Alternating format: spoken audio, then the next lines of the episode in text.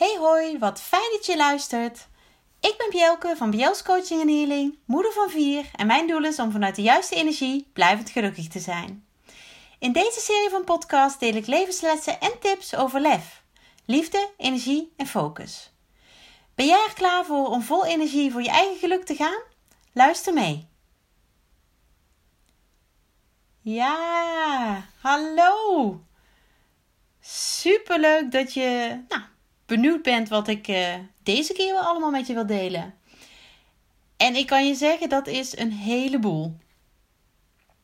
En um, nou, om te beginnen dat ik uh, op dit moment eigenlijk wel heel trots ben op mezelf. En nou, je vraagt je natuurlijk wel uh, af waarom dan. Nou, dat ga ik je vertellen. Dit is namelijk alweer mijn achtste podcastaflevering. En um, ja, misschien denk je nu wel leuk voor je Bjelke, maar uh, waarom is dat uh, eigenlijk iets om trots op te zijn? Nou, het is namelijk, dat heb ik laatst gehoord, zo dat um, podcastmakers er gemiddeld na zeven afleveringen mee stoppen. Woehoe! dus met deze achtste aflevering overtref ik in ieder geval het gemiddelde van de podcastmakers. En uh, nou, dat vind ik persoonlijk wel iets om, uh, om trots op te zijn. En daar kom ik ook gewoon openlijk voor uit. Dat is uh, namelijk een van de levenslessen die ik in de afgelopen tien jaar, ja, ik denk al tien jaar heb geleerd. Dat ik trots op mezelf mag zijn. En dat ik daar ook gewoon open over mag vertellen. En inmiddels vind ik dat helemaal niet meer moeilijk of raar. Weet je, het voelt niet onwennig. Het is eigenlijk voor mij um, ja, wel iets vanzelfsprekends geworden. En er zullen ongetwijfeld mensen zijn die dat raar vinden. Dat je dat over jezelf zegt of, uh, of egoïstisch. Uh, maar ik vind het juist getuigen van zelfvertrouwen en uh, van kracht.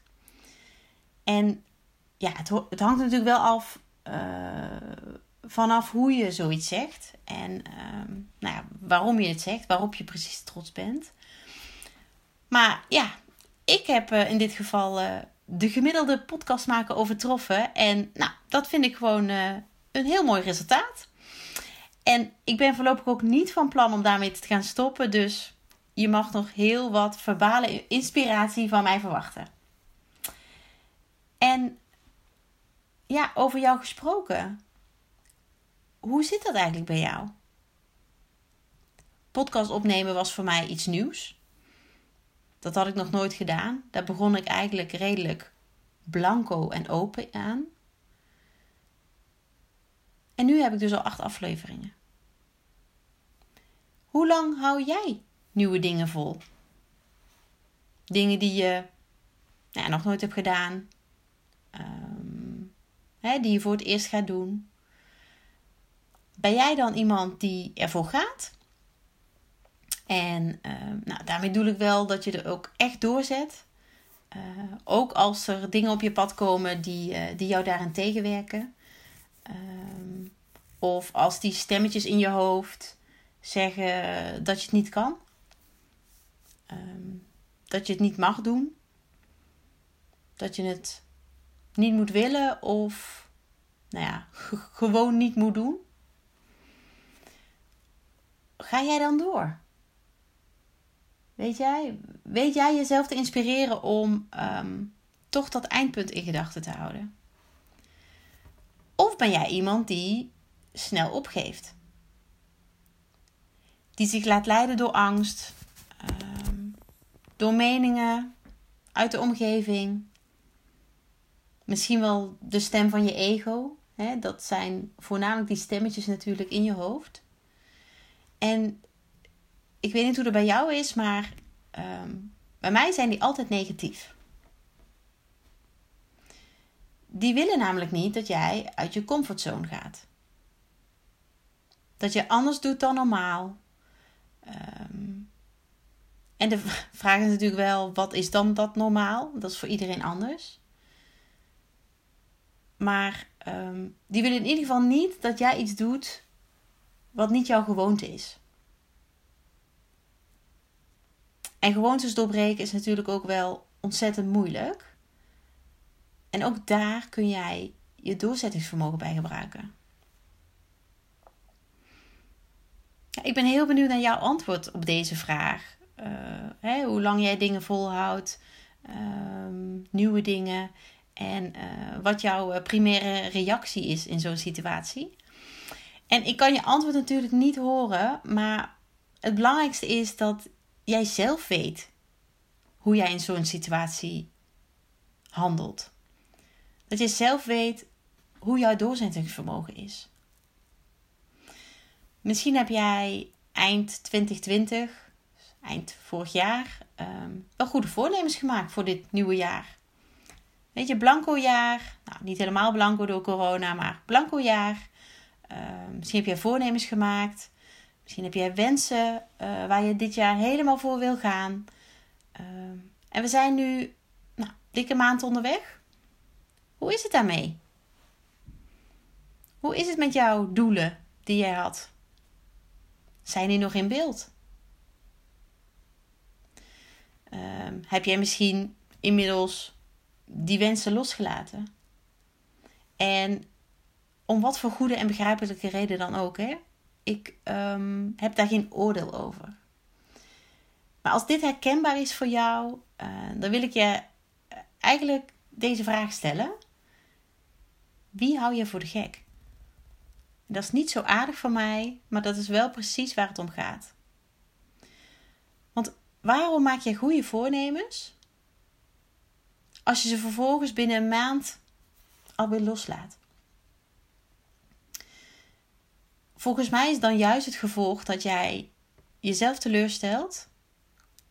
En niet alleen dat, ehm, qua gevoel en qua motivatie zet je tien stappen terug in plaats van eentje vooruit. En dat is natuurlijk echt doodzonde. Zo jammer. Zelf ben ik uh, van nature iemand die gemaakte afspraken nakomt. Uh, en of dat nou met iemand is uh, in mijn gezin, in mijn vriendengroep, um, vanuit mijn werksituatie of daarbuiten. Ik kom afspraken na. Dus ook met mezelf. En natuurlijk zijn er altijd externe factoren waar je geen of nauwelijks invloed op hebt. Um, en die ervoor zorgen dat het, nou ja, dat dingen moeten worden bijgesteld. Um, dat uh, dingen anders moeten. Weet je, externe factoren maken het je niet makkelijk en nou ja, zorg er eigenlijk voor dat jij gebruik moet maken van jouw creativiteit. Maar daarbij geldt vaak nog steeds dat het niet onmogelijk is om um, jouw afspraak of jouw doel te bereiken. Ik heb misschien wel een leuk voorbeeld. Um, een van de opdrachten die ik moest doen voor de businessopleiding die ik de afgelopen maanden heb gevolgd was om uh, vijf mensen uit mijn naaste omgeving te vragen welke drie eigenschappen mij als persoon uniek maken. Ik vond dat een hele leuke vraag, um, een hele goede vraag, maar ook een beetje een spannende vraag. Ja, weet je, zoiets stel je natuurlijk niet elke dag aan mensen uit je naaste omgeving. Tenminste, ik niet. Misschien jij wel, maar ik niet.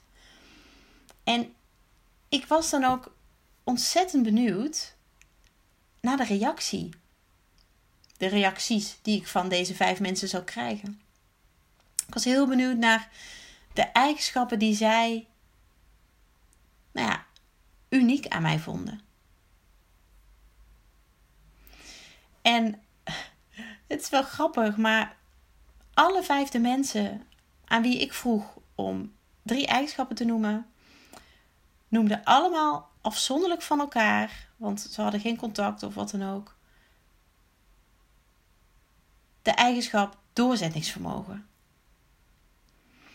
En er kwamen, er kwamen nog wel wat dingen overeen, maar niet bij allemaal.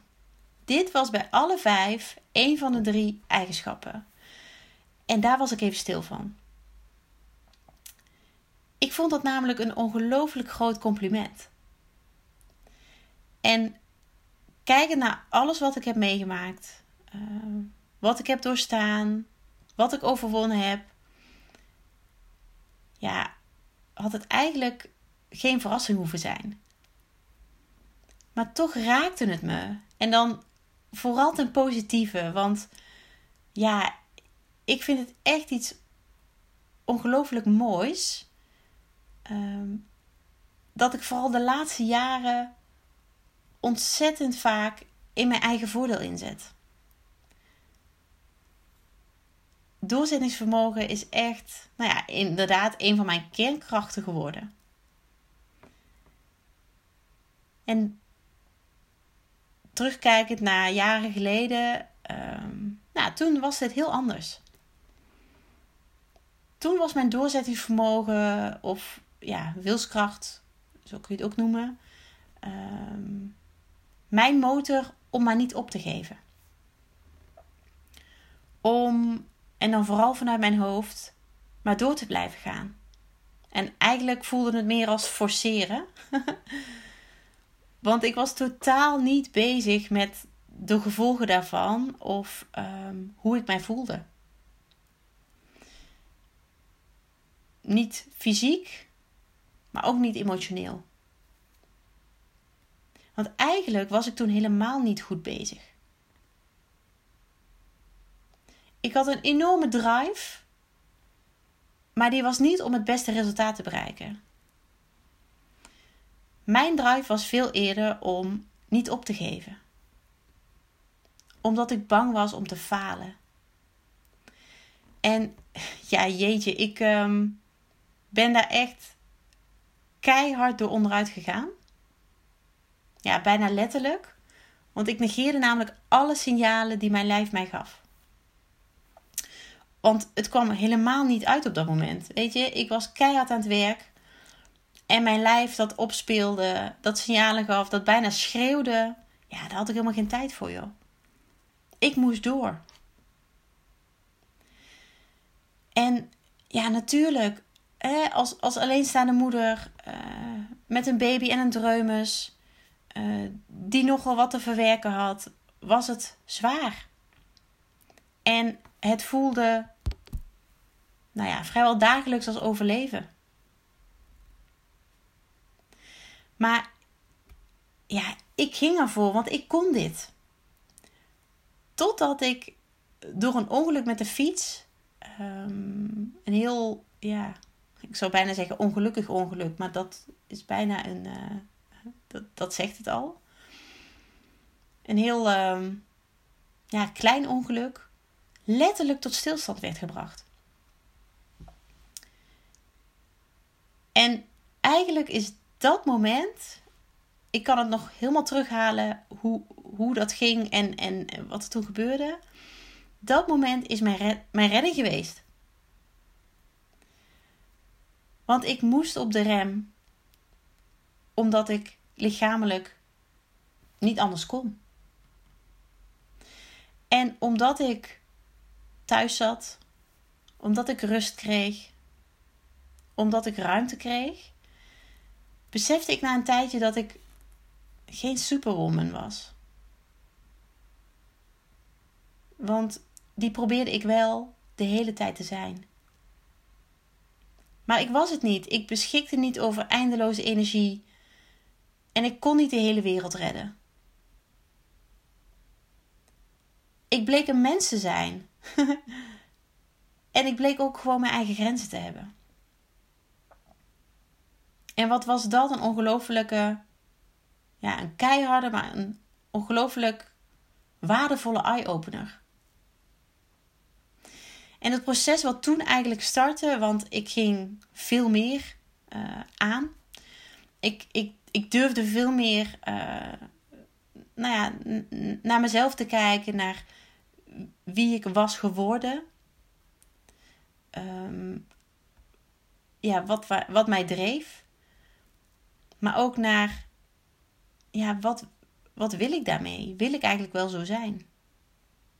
Het proces heeft, nou, jaren denk ik wel geduurd. Maar uiteindelijk me wel gebracht waar ik nu sta. En mijn doorzettingsvermogen is er nog steeds. Maar wel op een hele andere manier. Nu gebruik ik mijn doorzettingsvermogen namelijk uh, vooral op gevoel.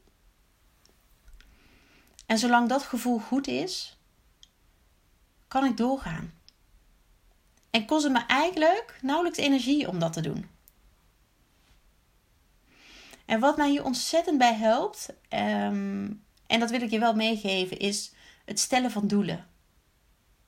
En doelen wordt altijd heel uh, nou, moeilijk over gedaan. Dat hoeft helemaal niet spannend te zijn. Je kunt namelijk heel makkelijk kleine doelen stellen. Om daar vervolgens in kleine stappen naartoe te werken. En ik weet dat. Um, hè, ik heb natuurlijk bij een grote financiële dienstverlener gewerkt. Nou, daar hadden we jaarplannen en doelen. En, uh, maar ook die werden opgehakt in kleine stukjes. En voor jezelf kun je natuurlijk ook doelen stellen per maand, per week, misschien zelfs wel per dag. Als dat voor jou is wat fijn voelt.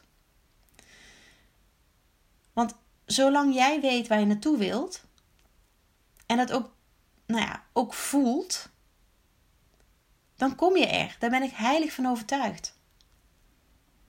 Hoeveel hobbels of uitdagingen jij onderweg ook tegenkomt. En wat mij altijd geholpen heeft en um, nou, misschien goed is voor jou om ook te doen, is dat ik mijn doelen altijd heb opgeschreven. En dat kan zijn in je computer, dat kan zijn in je telefoon, maar ook gewoon op papier. Ik heb altijd een boekje waarin ik dingen schrijf. Losse flodders, maar ook gewoon concrete dingen. Zoals doelen. Want als je doelen opschrijft, is de kans veel groter dat je ze ook behaalt. Dat is een soort commitment wat je met jezelf maakt. Want het heeft helemaal geen zin om dingen waar je toch niet aan gaat houden op papier te zetten. Dat is mooi toch? En als je die doelen ook nog met iemand wilt delen, kan delen, dan wordt de kans op succes, dus op het behalen van die doelen, verder vergroot. Nou ja, dat wil je toch? Um, een ander aspect wat, wat helpt bij uh, doorzetten, is het vieren van successen. En of dat nou kleine successen zijn of grote successen, dat maakt niet uit. En misschien juist wel die kleine. Want die kleine, dat zijn de lichtpuntjes uh, die er op dagelijks vlak voor zorgen dat jij ervoor wil blijven gaan. Net als ik nu in de avond deze podcast opneem. Ik word hier blij van. Ik word hier gelukkig van. En dat vieren van die successen, dat, nou ja, dat hoeft natuurlijk helemaal niet uitgebreid. Of altijd met taart of drank of nieuwe kleding. Of nou, wat je dan normaal ook um, uh, voor manier hebt om, om successen te vieren. Het kan ook iets heel kleins zijn. Weet je, een high five of, of een knuffel. Of ja, pannenkoeken bij het avondeten. Um, jezelf een avondje vrij gunnen. Of een middagje vrij. Of Weet je, het hoeft helemaal niet groot en omvangrijk te zijn. Juist die kleine dingen die helpen jou om verder stappen te zetten.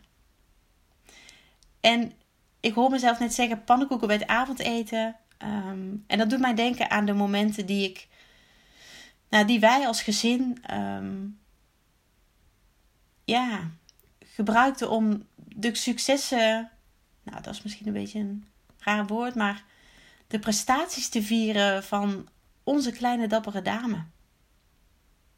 Onze jongste dochter, die um, in 2019 na een zwangerschap van maar 26 weken geboren werd. Um, en die vanaf, nou ja, het eerste moment moest vechten voor haar leven, letterlijk. Artsen waren erg um, terughoudend, ja, gaven haar weinig kans. En um, ja, eigenlijk met het uur kreeg ze fysiek de ene tegenvallen naar de andere te verwerken. En dat was keihard. Nou ja, sowieso voor haar natuurlijk. Maar ook voor onze ouders. En ook voor onze andere drie kinderen. Die de leeftijd hebben uh, om zich heel bewust te zijn. En toen nou ja, ook bewust te zijn van de situatie van hun kleine zusje. Maar in plaats van die kritieke situatie, want dat was het, ehm, heel zwaar te maken voor hen, vierden wij als gezin bewuste lichtpuntjes die, nou ja, ons vechtertje, zo noem ik het vaak, ons gaf. En dat was inderdaad met pannenkoeken. Of iets langer opblijven. Of samen film kijken. En ik ben ervan overtuigd dat die insteek, uh, die manier van benaderen, dus het vieren van lichtpuntjes, van kleine stapjes, van uh, ja, eigenlijk ongelofelijke momentjes, niet alleen de oudste drie hebben geholpen om door die situatie te komen. Het heeft ook een positieve invloed gehad, en misschien nog wel groter dan wij denken, op die kleine meid die daar in die couveuse zo ontzettend hard haar best deed om in leven te blijven.